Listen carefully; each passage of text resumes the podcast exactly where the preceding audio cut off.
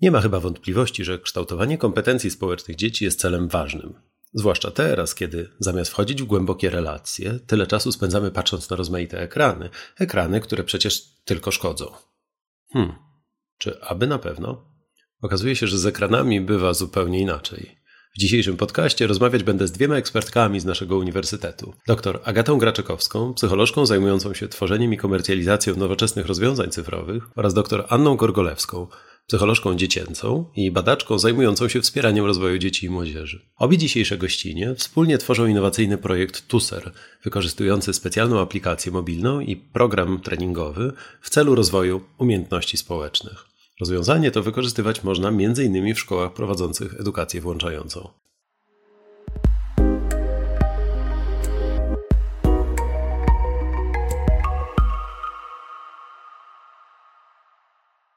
Słuchasz podcastu z cyklu Technologia Człowiek, realizowanego w ramach Strefy Technologii Uniwersytetu SWPS. Więcej wiedzy o wpływie technologii na ludzi znajdziesz w kanałach naszego projektu na YouTube i Spotify.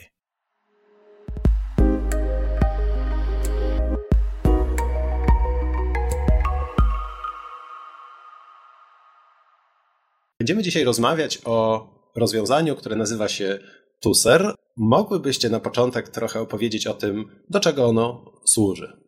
TUSER to jest prosta w obsłudze aplikacja, która jest dedykowana e, nauczycielom i uczniom w klasach 4-8 szkoły podstawowej i ma pomagać nauczycielom we wspieraniu rozwoju e, społecznego, e, w szczególności umiejętności komunikacyjnych wśród uczniów którzy mm, mają trudności w komunikowaniu się, w nawiązywaniu relacji w szkole, co przekłada się też na jakość ich edukacji. Chodzi między innymi o takie dzieci, które mają właśnie wspomnianą niepełnosprawność intelektualną lekką, ale także dzieci e, na przykład z zaburzeniem ze spektrum autyzmu, czy z innymi zaburzeniami e, takimi z zakresu emocji, e, ale też tak zwane dzieci nieśmiałe, czy dzieci z różnymi innymi trudnościami, które się na przykład znalazły w trudnej sytuacji życiowej i przekłada się to na ich właśnie funkcjonowanie i komunikowanie się w grupie, w szkole. No i dzięki tej aplikacji dzieci ćwiczą e, umiejętności komunikacyjne. E, nauczyciele są w stanie prowadzić taki program wspierający na przykład na godzinach wychowawczych, i, i, dostarcz, i aplikacja dostarcza także takiej wiedzy właśnie w zakresie komunikowania się. To ja może tu do, dodam jeszcze, że Ania wspomniała oczywiście o tych y, grupach, które szczególnie potrzebują tego typu treningu, ale aplikacja jest również dla, y, w zasadzie jest dla wszystkich dzieci, bo to, co nam przyświecało mocno w projekcie, gdzieś tam w co głęboko wierzymy, to jest to, że tak naprawdę y, trening czyni mistrza. My to często gdzieś e, właśnie w aplikacji umieściliśmy, że trening czyni mistrza. Im więcej staramy się rozwijać różnych umiejętności, tym te relacje nasze są lepsze. A to, co jest gdzieś też w tle e, całego naszego projektu, to jest to, że dzieci właśnie, które mają pewne e, potrzeby, zwiększone w, w, tym zakresie, w zakresie właśnie jakiegoś rozwoju społecznego, mogą się dzięki aplikacji też y, y, łączyć y, przysłowiowo z tymi, którzy nie mają z tym problemu. Więc jest nauczyciel, są dzieci, które mają większe potrzeby, są dzieci, które są lepiej rozwinięte i chodzi o to, żeby wszyscy razem we wspólnym celu po prostu działali. Okej, okay, ale to ja jednak w takim razie dopytam, być może kierując się tu jakimś takim e, krzywdzącym stereotypem, ale jednak, e, kiedy myślimy o tym, przynajmniej tak bardzo stereotypowo, kiedy myślimy o tym, że ktoś spędza czas ze swoim telefonem, to w takim powszechnym dyskursie to jest wręcz w opozycji do jakichś aktywności społecznych. Więc może najpierw sobie doprecyzujmy trochę w ogóle, co to jest ten trening umiejętności społecznych i jak on wygląda zazwyczaj, i wtedy może prościej też będzie nam porozmawiać o tym, co ekstra oferuje Wasze rozwiązanie. To może y, tak ogólnie opisując, czym, czym są umiejętności y, społeczne, to można mm, po prostu stwierdzić, że są wszystkie y, nasze kompetencje, umiejętności, których używamy, kiedy chcemy się dogadać z innymi, czy w kontakcie z innymi ludźmi. Bardzo często to mm, jest nam potrzebne, żeby na przykład osiągać jakieś swoje cele. Więc to jest bardzo, bardzo szeroki zakres różnych umiejętności takich ludzkich. Natomiast trening umiejętności społecznych jest to opracowana metoda wspierania też konkretnych umiejętności społecznych, opracowana przez Arnolda Goldsteina w latach 70. zeszłego wieku. E, udowodniono jej skuteczność, jeśli chodzi właśnie o podwyższanie tych kompetencji, tych umiejętności w grupach, szczególnie mm, dzieci i młodzieży, które właśnie z różnych powodów mają te kompetencje obniżone. Do naszej aplikacji nie weszły wszystkie te umiejętności właśnie zawarte w treningu umiejętności społecznych, tak zwanym TUS, ten, ten, to, to słowo TUS jest dosyć, dosyć powszechne, szczególnie wśród właśnie kadry pedagogicznej. E, ponieważ e, sami no, przeprowadziliśmy w naszym, w naszym zespole, e, w naszym projekcie przeprowadziliśmy badania z udziałem dzieci i, i osób pracujących z dziećmi, ich rodziców, które wykazały, które dokładnie umiejętności powinniśmy na początku przynajmniej zacząć wspierać. I, I co się znalazło w tej aplikacji? Bo ja tak drżę tu w oczekiwaniu. To co jest w tym pudełku? Co można zrobić za pomocą Tusera? Po pierwsze, może powiem o tych umiejętnościach, które rzeczywiście weszły w zakres naszego treningu, który został e, zawarty w TUSerze. To e, w porównaniu do e, TUSu jest to ten okrojony zakres, ponieważ badania wykazały, że jednak dzieci potrzebują wsparcia w bardzo podstawowych umiejętnościach komunikacyjnych, które są no właśnie podstawowymi społecznymi umiejętnościami i to są takie, takie umiejętności jak słuchanie aktywne, rozpoczynanie rozmowy, prowadzenie rozmowy, wyrażanie opinii, wyrażanie uczuć, y, i asertywność, która jest już takim bardziej, bardziej no, złożoną zdolnością, ale opiera się na tych podstawowych. To ja jeszcze może odpowiem na Twoje pytanie, Max, y, bo właśnie y, kierując się stereotypem, jak my chcemy rozwijać umiejętności społeczne za pomocą czegoś, co te dzieci odciąga od interakcji społecznych, tych takich klasycznych, tradycyjnych. I właśnie my tutaj mamy e, taki plan, a w zasadzie go realizujemy, żeby wykorzystywać coś, co stereotypowo właśnie ma, jest, ma negatywny wpływ na relacje, do tego, żeby animować, animować w pewien sposób te relacje na żywo. Bo tak jak Ania wspominała, tu ser jest pomyślany w taki sposób, że dzieci w klasie, w grupie z nauczycielem robią różne rzeczy e, na, e, na urządzeniach, tak, czy tabletach, e, raczej tabletach, może komputerach, to w zależności jak, jak będzie w konkretnej szkole to stosowane, ale są pewne zadania, które na przykład dzieci robią w parach. Na przykład jedna osoba musi coś przeczytać, druga musi wyłapać coś z tego, zapisać, musi się komunikować.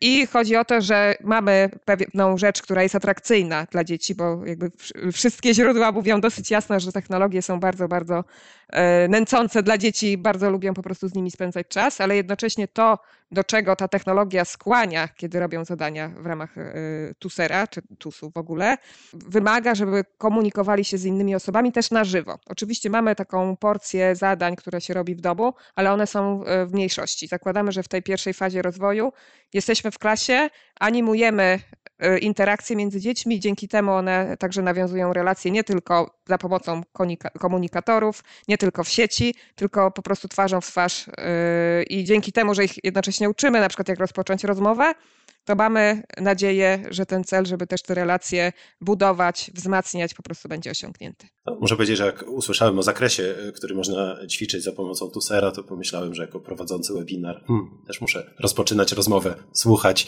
i ją podtrzymywać, a od czasu do czasu także kończyć, ale w odpowiednim momencie, więc chyba skorzystam z rozwiązania. E, ale e, e, tak całkiem serio coś, co wydaje mi się, oczywiście w tym moim pytaniu ja zawarłem taką, ten stereotyp i taką tezę, która jest, no, e, moim zdaniem też bardzo nietrafnym opisem w ogóle tego, jak funkcjonują e, dzisiaj dzieci i, i młodzież. I my sami zresztą, uczciwie rzecz ujmując, to przenikanie się tego świata cyfrowego i relacji e, takich e, tradycyjnych w świecie fizycznym jest już tak głębokie, że w ogóle ten podział chyba powinien odejść do, do lamusa. Zastanawiam się, e, czy mogłybyście jeszcze trochę opowiedzieć o tym po prostu, jak, e, jak jak same te ćwiczenia i te aktywności wyglądają, bo tutaj e, e, podałyście ten przykład z właśnie czytaniem, jak rozumiem, jakimś słuchaniem czy parafrazowaniem, a co jeszcze robi się w tym tuserze, bo, e, bo przyznam, że nie, nie pracując w tym obszarze jest to dla mnie takie odrobinę abstrakcyjne, jak takie działania, które zazwyczaj się odbywają jednak tradycyjnie, czy to w diadzie, czy w grupie, jak one są e, przeniesione i wspierane przez samą aplikację? To ja może jeszcze powiem na początku to, że, e, że to są naprawdę podstawowe umiejętności i to jest chyba, e, to jest, ja się często spotykam z tym, że to jakby właśnie przeciętne, ludzi, którzy się na tym nie znają, to dziwi, ale na tym to polega ta praca pod tytułem wspieranie rozwoju emocjonalno-społecznego, że musimy no właśnie doświadczać trenow- sytuacji, więc trenować, te podstawowe umiejętności, jak właśnie słuchanie. E, oczywiście my dorośli mamy je wykształcone, ale też na różnym poziomie, natomiast dzieci potrzebują tych doświadczeń i potrzebują często właśnie jakichś wskazówek. E, na tym polega TUS, że on mm, podaje bardzo konkretnie wskazówki, co, co w ogóle ja mam zrobić, jeśli chcę słuchać drugą osobę. E, więc te ćwiczenia, które są w tuserze, są bardzo, e, znaczy niektóre się wydają bardzo proste, bo właśnie polegają na tym, żeby słuchać wskazówek i wykonać te wskazówki, tak? I stworzyć na przykład wspólnie, znaczy no tak jakby wspólnie dzięki tej aktywności wykonać rysunek. Ale są też takie bardziej, znaczy takie większe wyzwania, które już dotyczą właśnie na przykład kompetencji komunikowania emocji, rozpoznawania tych emocji, co jest potrzebne do bycia asertywnym. E, no i tutaj e, jest pełen zakres właśnie takich podstawowych umiejętności, które trzeba rozwijać po to, żeby e, być coraz lepszym w, w, w radzeniu sobie z nimi i radzeniu sobie z tym trudnymi sytuacjami społecznymi, czyli na przykład zorientować się, gdzie czujemy w ciele naszą emocję. I do tego są fajne, atrakcyjne, e, no właśnie dzięki technologii e, rzeczy, które stworzyliśmy w tej aplikacji, które mają do tego zachęcić, ale ten cały proces taki psychologiczny odbywa się w zasadzie analogicznie jak wtedy, kiedy pracujemy no, bez technologii w gabinecie, czy, czy z grupą, czy indywidualnie. Chciałbym się jeszcze o jedną rzecz tu dowiedzieć, e, zanim e, przekażę e, Agacie głos, bo chyba tu jeszcze chciała coś dodać, to jeszcze prosiłbym Was, jakbyście mogły trochę opowiedzieć też, no bo zakładam, że mamy, że, że jeżeli pracujemy z dziećmi czy z młodzieżą, to, no to prawie zawsze w tym układzie nie jest tylko nauczyciel czy pedagog i te dzieci, ale jest gdzieś rodzina, rodzice, czy, czy jakoś to rozwiązanie i ta aplikacja jakoś włącza e, całe to otoczenie dziecka w ten proces? Jak to, jak to wygląda? Czy to jest coś, co ma służyć przede wszystkim jednak kontekstowi szkolnemu? E, w takim pierwszym zastosowaniu, i tak jak my o tym myśleliśmy, to jest kontekst szkolny, bo musimy sobie zdawać sprawę, że jeżeli mamy korzystać z jakiegoś narzędzia w innych kontekstach, to te funkcjonalności, czyli cechy tego e, rozwiązania muszą być troszeczkę inne. Myśleliśmy głównie o szkole, ale chciałabym zaznaczyć, że w szkołach nie zawsze to nauczyciele prowadzą tego typu zajęcia. Czasem jest to pedagog, psycholog, inna osoba, która jest po prostu do tego przygotowana, przeszkolona. E, niemniej jednak zakładamy, że, e, że w tej pierwszej fazie e, rozwoju projektu no będziemy to wdrażać po prostu w szkołach. I tak, jak, w jaki sposób są właśnie włączone te inne osoby, które, które w szkole możemy spotkać? To w ramach e, aplikacji, bo oczywiście trening jest po prostu osią tej aplikacji, ale aplikacja ma też e, inne e, opcje, tak? bo tak jak Ania wspomniała, mamy tak zwany przybornik, gdzie dzieci mogą się uczyć, po prostu czytać, oglądać na różnych kolorowych infografikach jakieś takie informacje, wiedzę zdobywać na temat kompetencji społecznych i tego, jak sobie radzić w takich codziennych wyzwaniach, ale też jest taki moduł wsparcia i on wydaje mi się bardzo, bardzo ważny, ponieważ jest taką szybką ścieżką dla dziecka, żeby e, uzyskać wsparcie i pomoc. I to wsparcie i pomoc e, dziecko może uzyskać za pomoc, znaczy za pomocą, może wybrać sobie osobę, do której chce się zwrócić. Czyli jeżeli rozwiązanie jest w szkole, oczywiście nauczyciel będzie na liście, ale na liście będzie też pedagog, psycholog. I wyobrażamy sobie, że dzieci mają swoją ulubioną panią lub ulubionego pana w szkole, do którego chciałyby się zgłosić i będą miały możliwość właśnie e, za pomocą technologii wysłać informacje do tej osoby. Ta osoba dostanie powiadomienie, też ma swój taki e, panel z podstawowymi jakimiś e, e, funkcjonalnościami, żeby móc się z tym dzieckiem albo właśnie jeszcze w online skontaktować, albo już po prostu na żywo gdzieś, e, gdzieś po prostu rozwinąć ten wątek. Czyli nie tylko trening umiejętności dla dzieci, ale TUSER też pomaga po prostu w szybkiej komunikacji.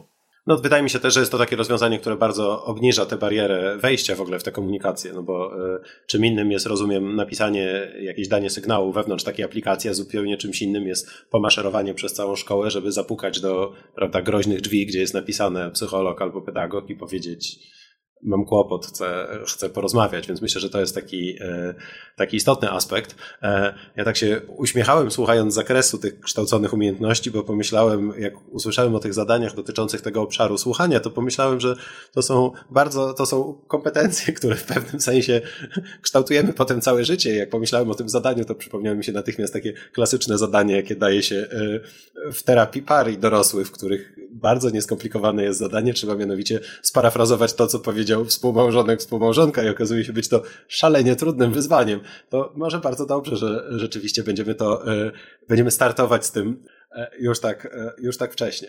A, e, może jeszcze tutaj dodam jedną rzecz, że już pojawiły się pytania, czy taki TUS czy TUSER będzie dla osób dorosłych i czy będzie może wskazywać branży, gdzie skąd to do nas spłynęło, ale rzeczywiście takie pytanie się pojawiło. Jeżeli są pytania, oznacza, że i potrzeba jest, więc myślę, że gdzieś tam w przyszłości to też jest dla nas jakiś znak, że właśnie kompetencje społeczne można rozwijać całe życie i nawet chyba się powinno, także jakby różne wyzwania życiowe z czasem też się zmieniają, także to mi się też wydaje interesujące, dlatego że y, no, osoby, które y, mają kłopot z nawiązywaniem, jest ten pewien paradoks tych takich tradycyjnych rozwiązań, że żeby zwiększyć swoje kompetencje społeczne, y, obecnie bardzo często trzeba wykazać się na starcie dużymi kompetencjami. Czyli na przykład właśnie sięgnąć po tę pomoc, albo skontaktować się z, czymś, z kimś, z instytucją, z miejscem, przyznać się w ogóle do tego, że taki na przykład taki czy inny problem komunikacyjny się ma, więc też mieć przy okazji sporo wglądu. Więc w pewnym sensie jest tu pewien paradoks, na który to wasze rozwiązanie e, e, nieźle, jak sądzę, odpowiada. E, widzę, że już pojawiły się tu pytania pierwsze na czacie dotyczące takiego bardzo praktycznego procesu wdrożenia, czy wręcz zakupu tego rozwiązania, więc myślę, że o tym potem jeszcze porozmawiamy, ale teraz przez chwilę chciałem się jeszcze E, dowiedzieć o tym aspekcie, który jest tu bardzo ważny i który pojawił się już w, e, w tytule naszego dzisiejszego spotkania, czyli o tym takim aspekcie, powiedziałbym, dostępnościowym, dlatego że jest to rozwiązanie, e, no, które wprost adresuje potrzeby także dzieci, które, jeżeli chodzi o funkcjonowanie intelektualne, w jakiś sposób mają one te, mają w tej sferze jakiś, jakiś deficyt. Jak, jak TUSER dostosowany jest właśnie do potrzeb tej grupy? Na czym ten aspekt aspekt polega? Po pierwsze, y, pierwszy aspekt y, jest taki, mm, że mm, wszyscy korzystają z tej samej aplikacji. I to było oczywiście, to znaczy, że dzieci, które są w jednej klasie i mają te trudności, y, razem używają Tusera z tymi dziećmi, które tych trudności nie mają, przynajmniej nie mają wykazanych. E, więc to było wyzwanie, jak na nie odpowiadamy, e, czy odpowiedzieliśmy, no szukaliśmy e, prostego języka, dostosowań w postaci nagrywania swoich wypowiedzi zamiast wpisywania i w drugą stronę odczytywania pisanego tekstu, żeby ułatwić właśnie tym uczniom, którzy mają problem z pisaniem i z czytaniem płynnym. Więc to jest chyba takie najważniejsze, co wcale wbrew pozorom nie jest powszechne w aplikacjach dla dzieci. Do tego stworzyliśmy kod słownograficzny, który ma ułatwiać komunikację w najbardziej e, najczęstszych problemach takich właśnie komunikacyjnych online, które pojawiały się na przykład przy zdalnym nauczaniu, e, co właśnie, tak jak powiedziałeś, ułatwia ten proces e, w ogóle, no cały proces komunikacyjny, ale ułatwia to ten pierwszy ruch, czyli jak wystarczy, że kliknę kliknę ten, tą naklejkę taką naszą, która już coś oznacza, bo wiem, że ja wiem, że to oznacza to, jak na przykład, że nie rozumiem, albo co jest zadane, albo mam jakiś problem techniczny e, i wtedy wszyscy po prostu w klasie, co używają Tusera wiedzą, że e, co dokładnie oznacza ten znak. Co przyspiesza cały proces. To ja tu może jeszcze rozszerzę to, bo ten kod słownograficzny, w ogóle może początki projektu są takie, że idea powstawała, kiedy jeszcze mieliśmy pandemię taką poważną pandemię wokół nas e, i nikt nie wiedział, kiedy wrócimy, e, w jakim stopniu wrócimy do szkół, tak do normalnego funkcjonowania i gdzieś tam e, jak prowadziliśmy badania, to pytaliśmy też o tę rzeczywistość pandemiczną, tak jak dzieci właśnie z niepełnosprawnością intelektualną w stopniu lekkim sobie radziły, czy nie radziły sobie, też dzieci w normie, jak sobie radziły, czy nie radziły, co, co ich denerwowało, co nauczycielom przeszkadzało i tak dalej. E, I właśnie powstał ten pomysł kodu słownograficznego, żeby szybko, e, szybko pewne treści przekazywać, bo to, co chyba najbardziej wybrzmiało, e, jeśli chodzi właśnie o taką dostępność, że dzieci z niepełnosprawnością intelektualną w stopniu lekkim czyli NIL, w skrócie, myślę, że ten, ten skrót już potem będę używać, bo po prostu jest szybciej, ale dzieci z NIL-em wszystko zrobią, tylko wolniej. Potrzebują więcej czasu, potrzebują powtórzenia pewnych na przykład instrukcji i to była rzecz, z którą musieliśmy się zmierzyć. Jak to sprawić, że jeżeli załóżmy będzie zespół klasowy w szkole integracyjnej, jak sprawić, żeby te, właśnie dzieci, które, e, które dosyć szybko funkcjonują, nie nudziły się, a jednocześnie, żeby te dzieci które potrzebują e, chwili dłużej, żeby się uporać z pewnymi zadaniami, mogły po prostu być mniej więcej na tym samym, e, na tym samym poziomie, tak czy w mniej więcej tym samym czasie kończyć. Takie rozwiązanie mam nadzieję, że, że, że pomoże. Jeśli nie, to będziemy myśleć dalej, co zrobić, ale też mamy plany, tutaj troszeczkę zdradzę, żeby ten kod słownograficzny, który jest oczywiście w aplikacji, bo mamy też forum, gdzie dzieci będą mogły się komunikować, ale żeby ten kod słownograficzny wdrożyć w aplikacjach czy komunikatorach, które są w użytku. No, bo jesteśmy absolutnie świadomi, że dzieci komunikują się online za pomocą różnego rodzaju e, oprogramowania, tak, komunikatorów, e, czy też w, jakichś tam innych przestrzeniach w internecie. E, jeżeli mamy taką skrótową formę komunikowania pewnych treści, które są z założenia dłuższe, to chcemy po prostu to dzieciom dać. To, to gdzieś tam e, nam przyświecało od samego początku. Z jednej strony oczywiście trening, tak, który wymaga większego zaangażowania, pewnie większego wysiłku, żeby, jeżeli chodzi o organizatorów tego, kto, kto, kto miałby to przeprowadzać i tak dalej, ale jednocześnie coś, co jest po prostu super dostępne i chcielibyśmy, żeby część tego projektu była po prostu bardzo, po prostu była udostępniona, o tak bym to powiedział. Mhm. A e, zanim przejdziemy jeszcze do tego wdrożenia, to, to jedno pytanie, które mnie ciekawi jako osobę, która w tym obszarze rozwiązań nie projektowała, ale gdzieś myślę bardzo często i w swojej pracy, i rozmawiając z zaproszonymi gośćmi o tym, jak sporo wybojów czeka człowieka, który usiłuje łączyć z jednej strony pewną właśnie aktywność naukową z pewnymi doświadczeniami praktycznymi. To bywa bardzo inspirujący związek, ale też czasem pełen jakichś wybojów właśnie i, i przygód. Jak to było z tuserem? Czy to się zaczęło z potrzeby unaukowienia waszej praktyki, czy raczej odwrotnie? Jaka, jaka była historia tego rozwiązania? Historia z jednej strony była, jest taka, że ja pracuję od wielu lat y, z dziećmi, y, wspierając ich rozwój emocjonalno-społeczny i z różnymi dziećmi, tak? I z tymi ze specjalnymi potrzebami y, i z takimi dziećmi po prostu w grupie mm, ogólno, ogólnej, że tak powiem. No i potem pandemia przyszła i też sama doświadczyłam tego, że z dnia na dzień trzeba było jakoś spróbować przenieść tę pracę psychologa do, do wersji online. E, no i to było bardzo śmieszne, no bo to się po prostu pokazywało jakieś obrazki do ekranu, no cuda nie widy. I to zresztą e, w naszych y, wywiadach ze specjalistami jakby się potwierdziło, że nie ma żadnego narzędzia cyfrowego do treningu umiejętności społecznych, żadnego takiego mm, sformułowanego, tylko że każdy po prostu specjalista sobie sam na własną rękę coś wymyśla, tak? I, i, i jak, jakieś tam bazy e, tak oddolnie powstają pomocy, które można wykorzystać w swojej pracy. E, I stąd e, no, ta potrzeba była ogromna. Dodatkowo y, to, co w Polsce się dzieje w szkołach, to, to tak zwana edukacja włączająca, która ma miejsce, ale za tym nie nadąża właśnie E, znaczy, cały czas brakuje e, nauczycielom narzędzi pracy do grup, które są tak zróżnicowane. I to jest dla nich ogromne wyzwanie, którym się, e, którym się głośno dzielą, że po prostu nie wiedzą, jak pracować z dziećmi, które właśnie mają, są tak no, na różno, różnych poziomach, w różnych kompetencjach. Z, w związku z tym no, też taki, taki też był konkurs ogłoszony na wymyślenie sposobu, który pomoże e, w komunikacji, e, w edukacji włączającej, a my po prostu stwierdziłyśmy, że warto zrobić wersję cyfrową. To ja tu może to jeszcze rozszerzę właśnie o ten wątek e, nauka, a praktyka, bo Ania opowiadała trochę od tej strony praktycznej.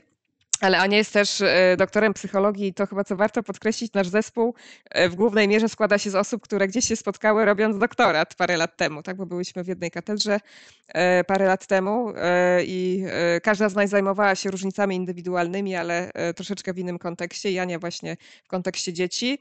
Jest też doktor Klara Królewiak-Detsi, która zajmowała się, ona pracowała też jako psycholog szkolny, tak, zajmowała się emocjami i jest też trener trenerką właśnie TUS-u i po prostu dołączając do tego mnie, gdzie z kolei blisko do, do technologii, e, jeszcze kilka innych osób, na przykład doktor Annę Orylską, która jest specjalistką od dzieci z niepełnosprawnością intelektualną, po prostu połączyłyśmy te różne kompetencje i stwierdziłyśmy, że właśnie można zrobić rozwiązanie praktyczne, ale to, co jest ważne, rozwiązanie praktyczne, które będzie stworzone na bazie badań. Tak? Czyli chcemy e, e, też trochę dlatego, że się wywodzimy z uczelni, tak? To, co tworzymy, chcemy robić w oparciu o jakieś takie dowody empiryczne, a nie, że nam się jakoś tam coś wydaje, tak? Wszystko, co, co jest opracowane w aplikacji, yy, powstało na bazie po prostu e, różnego typu badań, w tym na przykład treści, które są w takim przyborniku, skąd dzieci yy, czerpią wiedzę, E, to również jest zrobione na bazie już nie badań, wywiadów, chociaż treści właśnie tak były ustalone, co tam powinno być,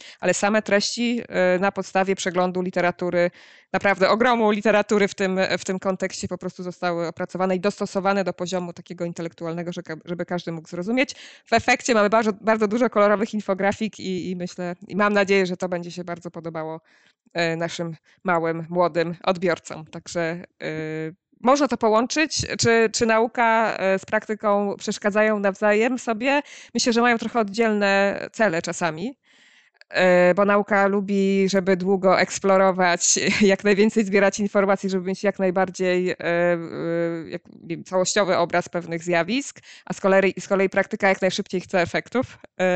Gdzieś to trzeba pogodzić, ale jednocześnie myślę, że jedno z drugim jak najbardziej idzie w parze i taka ciągła komunikacja między właśnie jednym i drugim, żeby być świadomym, co chcemy osiągnąć. Trzeba też w pewnym momencie sobie powiedzieć, ok, na pewnym etapie mamy już tyle wiedzy, że możemy to przenieść na praktykę i niech ludzie już z tego korzystają. A z kolei ludzie, jak będą korzystać z naszego rozwiązania, powiedzą nam, co powinniśmy zmienić, ulepszyć i my jednocześnie dzięki temu będziemy też miały pewien wsad do tego, żeby i naukę rozwinąć, tak? Bo ludzie korzystający z rozwiązania, czy ludzie, którzy będą e, poddawać się treningowi umiejętności e, społecznych, też będą e, po prostu jakby potwierdzać na przykład, że to jest dobry model ćwiczenia tego typu umiejętności, albo i pokazać, że to nie jest najlepszy model, że może jeszcze do czegoś innego nas to zainspiruje. Więc tutaj myślę, że jest to wyzwanie, wymaga pewnej świadomości, wymaga to, co ja bym z kolei chciała podkreślić, wymaga tego, żeby komponować zespoły, które są różnorodne, żeby właśnie każdy miał ten swój kawałek, coś wnosił, co jest istotne dla projektu. E, nam się to udało. Naprawdę zespół mamy różnorodny, e, zaangażowany i, każdy naprawdę kawałek swojego serca chyba tutaj oddał, także mam nadzieję, że będzie to w efektach widoczne. No, mi się wydaje, że już z, tej, e, z tego fragmentu naszej rozmowy płynie szereg bardzo konstruktywnych wniosków. Pomijam już ten oczywisty, że jeżeli chcą Państwo skutecznie i w fantastycznym środowisku pracować i zespole, to po prostu należy pójść, zrobić doktorat e, w odpowiednim miejscu i, i tą metodą e, stworzyć tego rodzaju zespół, ale... Nie, nie, to może powiem, przepraszam, jeszcze wejdę w słowo, bo nie tyle trzeba robić doktorat, co zachęcamy, żeby też pracować z ludźmi, którzy są jakoś tam związani z uczelnią, bo właśnie wtedy się fajnie te, te kompetencje zazębiają, nie? Bo na przykład, jeżeli ktoś jest typowo na uczelni, no, czasami jest tak, że jest bardziej na uczelni niż w praktyce i każdy po prostu e, dopływ informacji ze świata jest e, szalenie istotny. Ja, ja też tak na to, e, na to patrzę, działając może w nieco innych obszarach osobiście i, i naukowo i praktycznie, ale też bardzo często dostrzegam ten kłopot i trochę do, do tego nawiązywałem swoim pytaniem, ten kłopot, że naukowcy często z ogromnym oddaniem kiedy postanawiają podjąć jakąś działalność praktyczną, to z ogromnym oddaniem rozwiązywać potrafią nie do końca ważne albo nie do końca rzeczywiste problemy praktyczne. To znaczy, że a, a, a w momencie, w którym porozmawia się z osobą, która ma kontakt z tak zwanym życiem, to bardzo często te kluczowe potrzeby są w ogóle artykułowane od razu, tak? I chwilę porozmawiamy z naszymi użytkownikami, oni mówią, tak naprawdę to prawdziwym kłopotem na co dzień jest to, że i tu pada jakaś taka prawdziwa, prawdziwa potrzeba. No pytanie, czy, czy jesteśmy sobie w stanie z tego typu wyzwaniami zawsze poradzić. E, chciałem e, w tym kontekście może dopytać jeszcze o jedną rzecz, bo tu trochę moja natura właśnie badacza się budzi, ale nie takiego badacza akademickiego, który e, pisze artykuły, publikuje je w różnych czasopismach i, i to jest jego życiem, ale raczej takiego badacza, który właśnie tworzy, tworzy rozwiązania. Tworzy rozwiązania dla praktyki, dla, dla no właśnie, tego życia, można powiedzieć, w tym wypadku szkolnego. I dla, jak wyglądało to w, waszym, w, waszej, w waszej tej historii z Tuserem? Czy, czy robiłyście jakieś testy z użytkownikami? Bo tu, Agato, ty wspomniałaś o tym, że, że rozmawiałyście z pedagogami, jak rozumiem, z psychologami, ale co jeszcze od takiej strony badawczej działo się, jeżeli chodzi o rozwój tego rozwiązania? E, to tak jak wspomniałeś, właśnie zaczęliśmy od badań e, z różnymi osobami ze środowiska szkolnego, w tym e, z dziećmi, właśnie czego potrzebują, co było trudne, co by im pomogło na przykład lepiej sobie radzić też w odniesieniu do, do technologii. Teraz jesteśmy na etapie, że właśnie w przyszłym tygodniu będą badania z użytkownikami i zobaczymy sobie właśnie w ramach testów użyteczności, co jeszcze możemy poprawić. E, no a potem musimy sprawdzić, na ile nasz trening roz, rozwija rzeczywiście umiejętności społeczne i to będzie się działo również w najbliższych tygodniach. E, mamy dwie szkoły współpracujące, które przystąpiły do, do projektu i będą razem z nami e, sprawdzały, czy ten trening rzeczywiście działa, bo wiadomo, że te zadania, to co jest chyba też ważne a propos TUS-u samego w sobie, że TUS jest trochę taką ideą, tak, że jest pewien y, zestaw kompetencji społecznych, które mogą być roz, rozwijane poprzez ćwiczenia pewnego typu, ale już konkretne ćwiczenia to nie, nie jest przedmiot, jak nie wiem, jakieś tam, y, wiem, to nie jest stałe, tak, jakie są instrukcje, jakie są odpowiedzi, to są raczej pewne zasady, które trzeba wdrażać i po prostu tworzyć swoje jakieś jakieś konkretne zadania, ćwiczenia, czy nie wiem, scenki i tak dalej.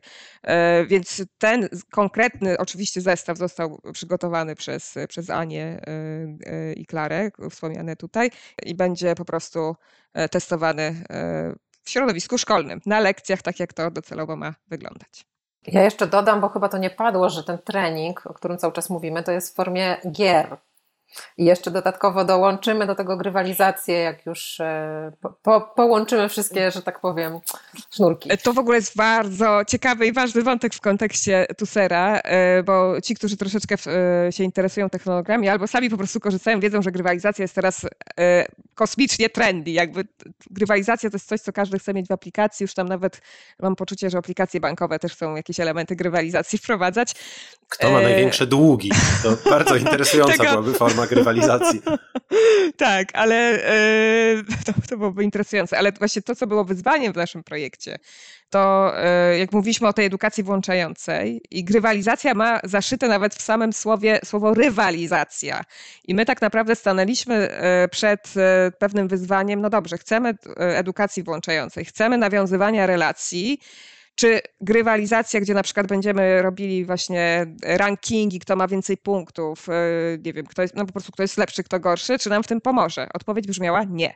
Tak, to, to, jest absolutnie jasne, że, e, że jeżeli będziemy robić rankingi, to narażamy kogoś na to, że po prostu musi to ostatnie miejsce w tym rankingu mieć. E, podeszliśmy do sprawy w inny sposób.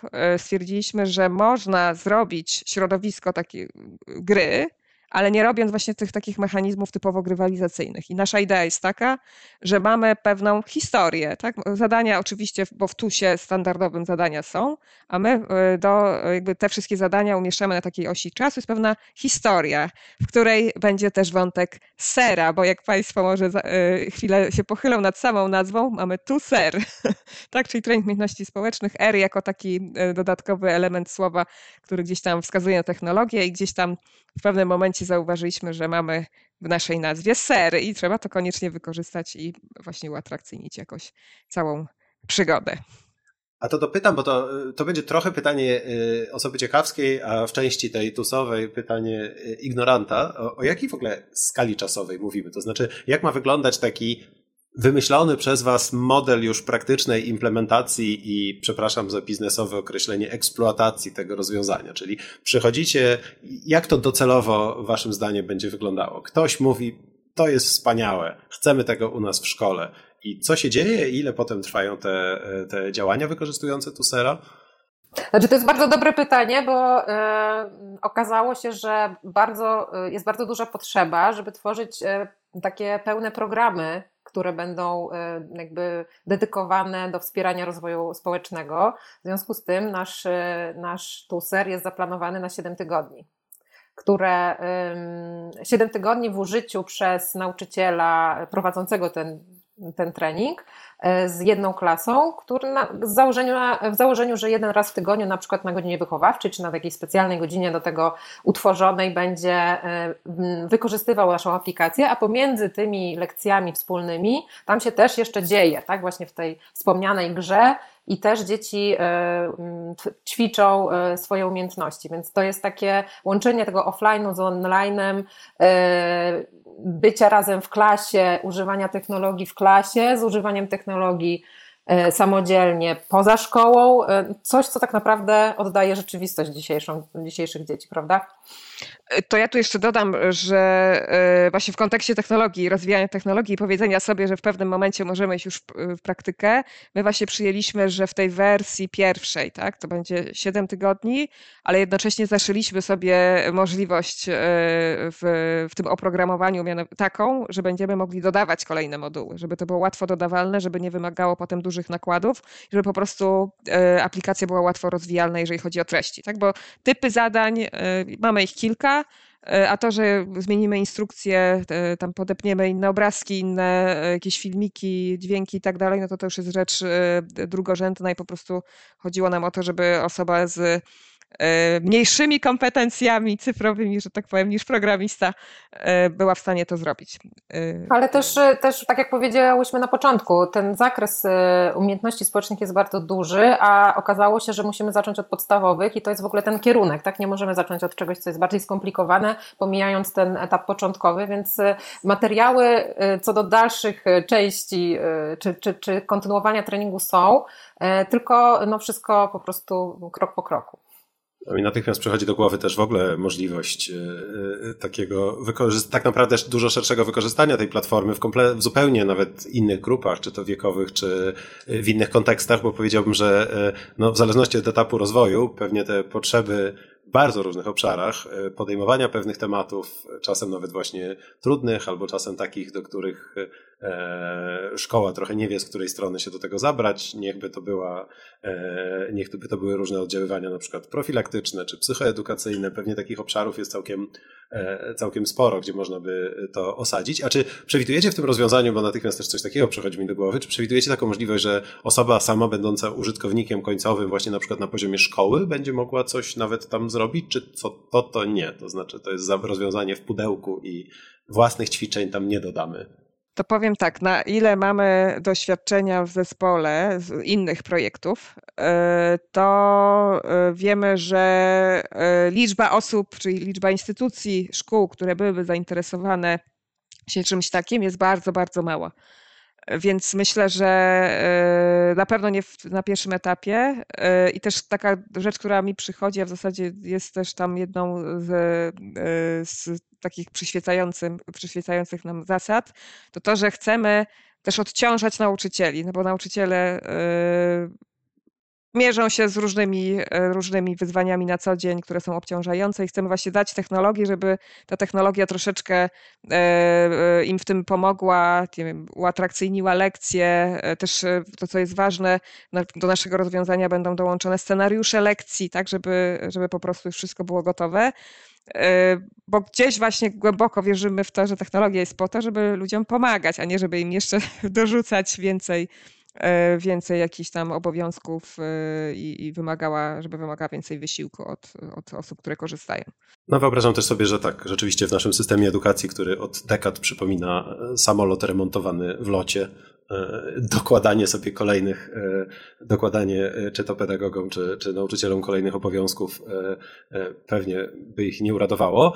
A w takim razie jeszcze jedno takie pytanie informatycznej bardziej strony, czy w ogóle całe to rozwiązanie, no bo to jest projekt, który ma całą swoją stronę taką psychologiczną i badawczą, osadzoną silnie naukowo, a czy to było rozwiązanie, które od strony takiej informatycznej, programistycznej było w 100% szyte na miarę? Czy opieraliście się tu na jakichś wcześniejszych doświadczeniach? Czy to jest rozwinięcie czegoś, co było wcześniej? Doświadczenia na pewno tak, bo w zespole nasz zespół liczy kilka, nad kilkanaście osób e, i część zespołu pracowała przy innych projektach e, tego typu też, e, ale jeżeli chodzi o o to, czy to jest szyte na miarę, tak, jakby wszystko było projektowane od podstaw, bo oczywiście mamy również projektanta, który nam graficznie e, rozłożył różne treści. Mamy również e, specjalną osobę od samych grafik, tak? te wszystkie infografiki, te wszystkie postaci, które, e, które uczniowie będą mogli oglądać, to wszystko jest wymyślone dla Tusera, także absolutnie autorska rzecz.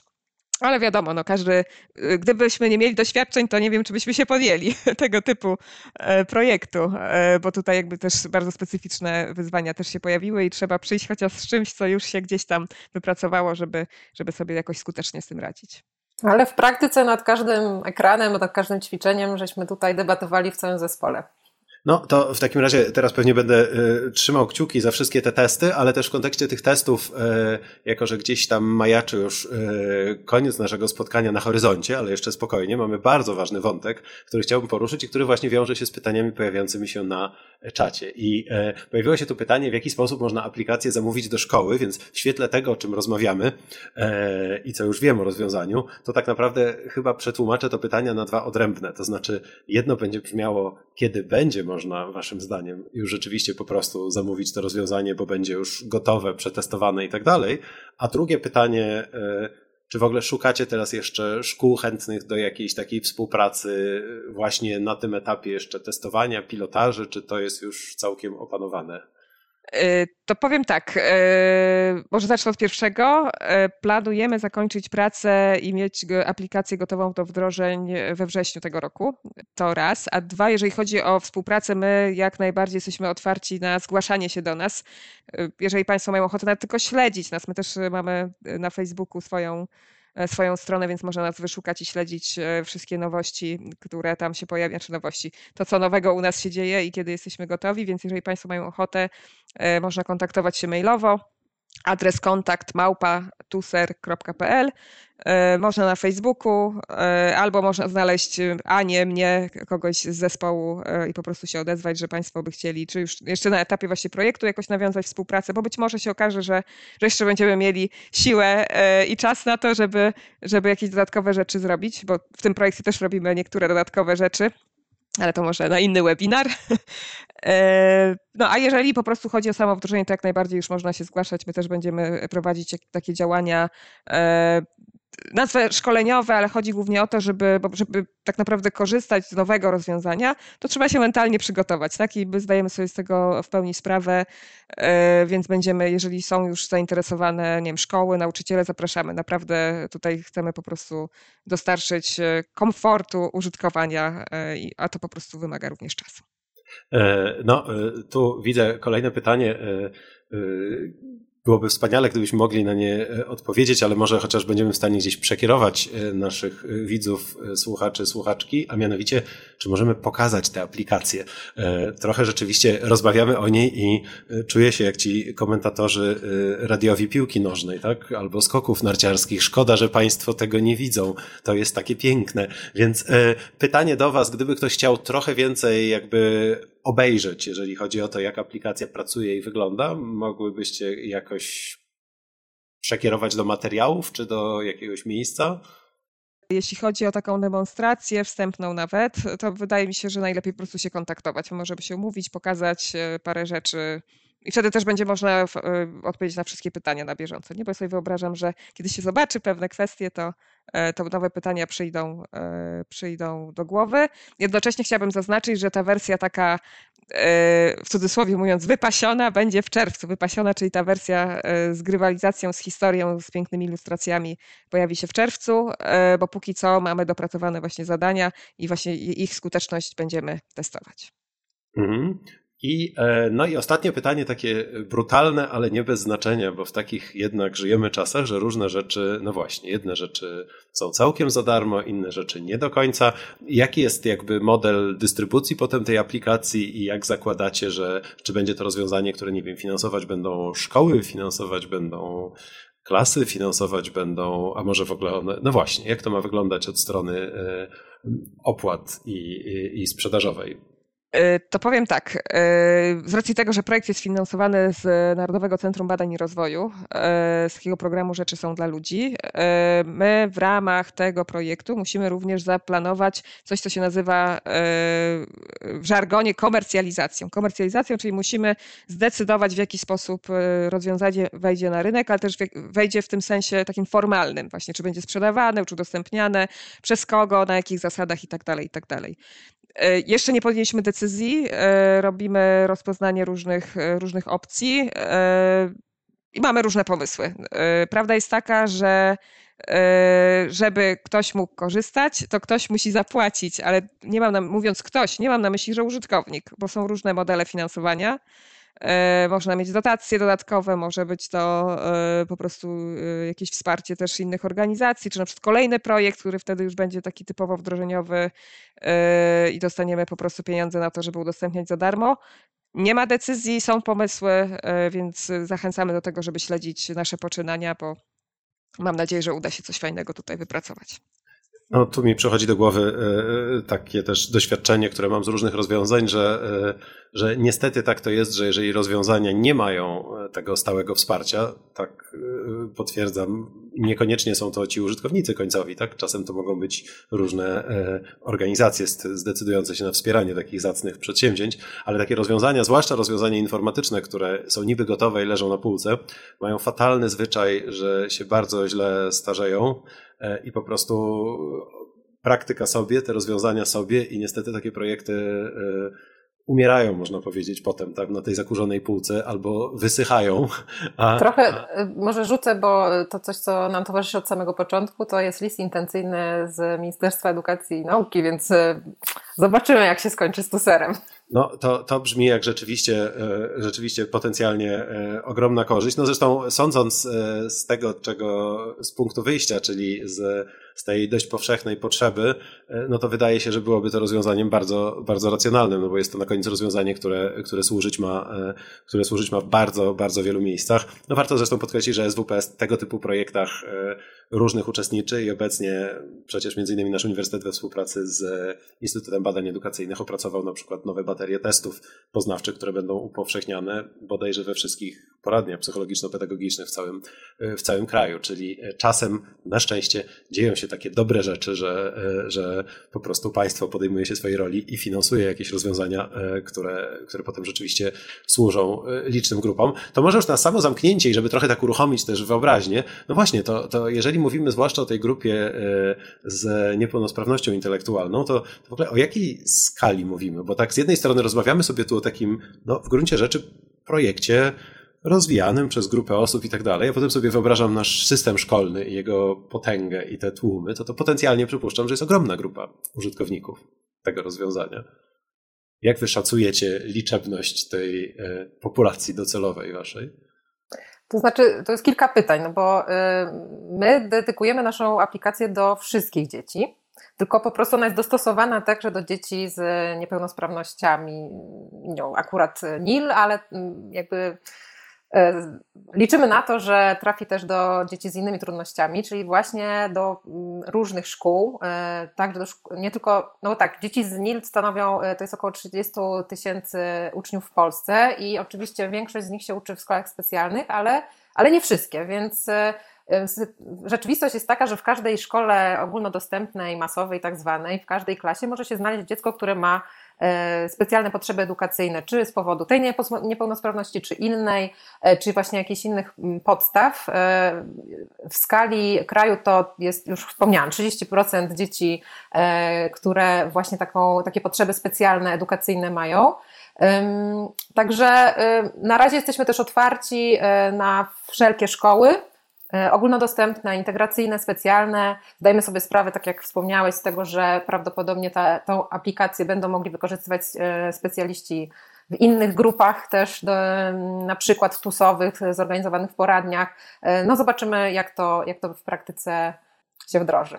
To ja tylko dodam, bo właśnie Ania mówiła o, o, o tej liczbie dzieci, które mają orzeczenie o niepełnosprawności intelektualnej w stopniu lekkim, ale E, jeśli chodzi o orzeczenia, to e, no one są różne w zależności od, od, od jakichś ograniczeń i się okazuje, że właśnie do, do, innych grup też to spokojnie e, może trafić. Więc te szacunki to tak zależy, jakie się parametry przyjmie, tak powiem. Jasne, no to w takim razie nie wiemy nigdy, kto tam nas słucha w wirtualnej przestrzeni, więc jeżeli, jeżeli są tam jacyś decydenci, myślcie czule o tuserze wobec tego. E, Agato, Aniu, bardzo Wam dziękuję za Wasz czas i e, ciekawą rozmowę. Trzymam kciuki za projekt, bo super fajny i, i ważny po prostu. Więc ogromne dzięki. My dziękujemy również. Pozdrawiamy. A wszystkich naszych słuchaczy zachęcam do tego, żeby powracali e, do naszego cyklu webinarów, e, do strefy technologii Uniwersytetu SWPS i oczywiście zapraszamy tradycyjnie do zapoznawania się z różnymi naszymi materiałami, do czytania, oglądania i słuchania. Jesteśmy na YouTube, jesteśmy na Spotify, jesteśmy w bardzo wielu różnych miejscach i czekamy tam na Was z historiami, z wiedzą i z interesującymi gośćmi. Bardzo, bardzo serdecznie dziękuję za to spotkanie. Dziękuję, do widzenia.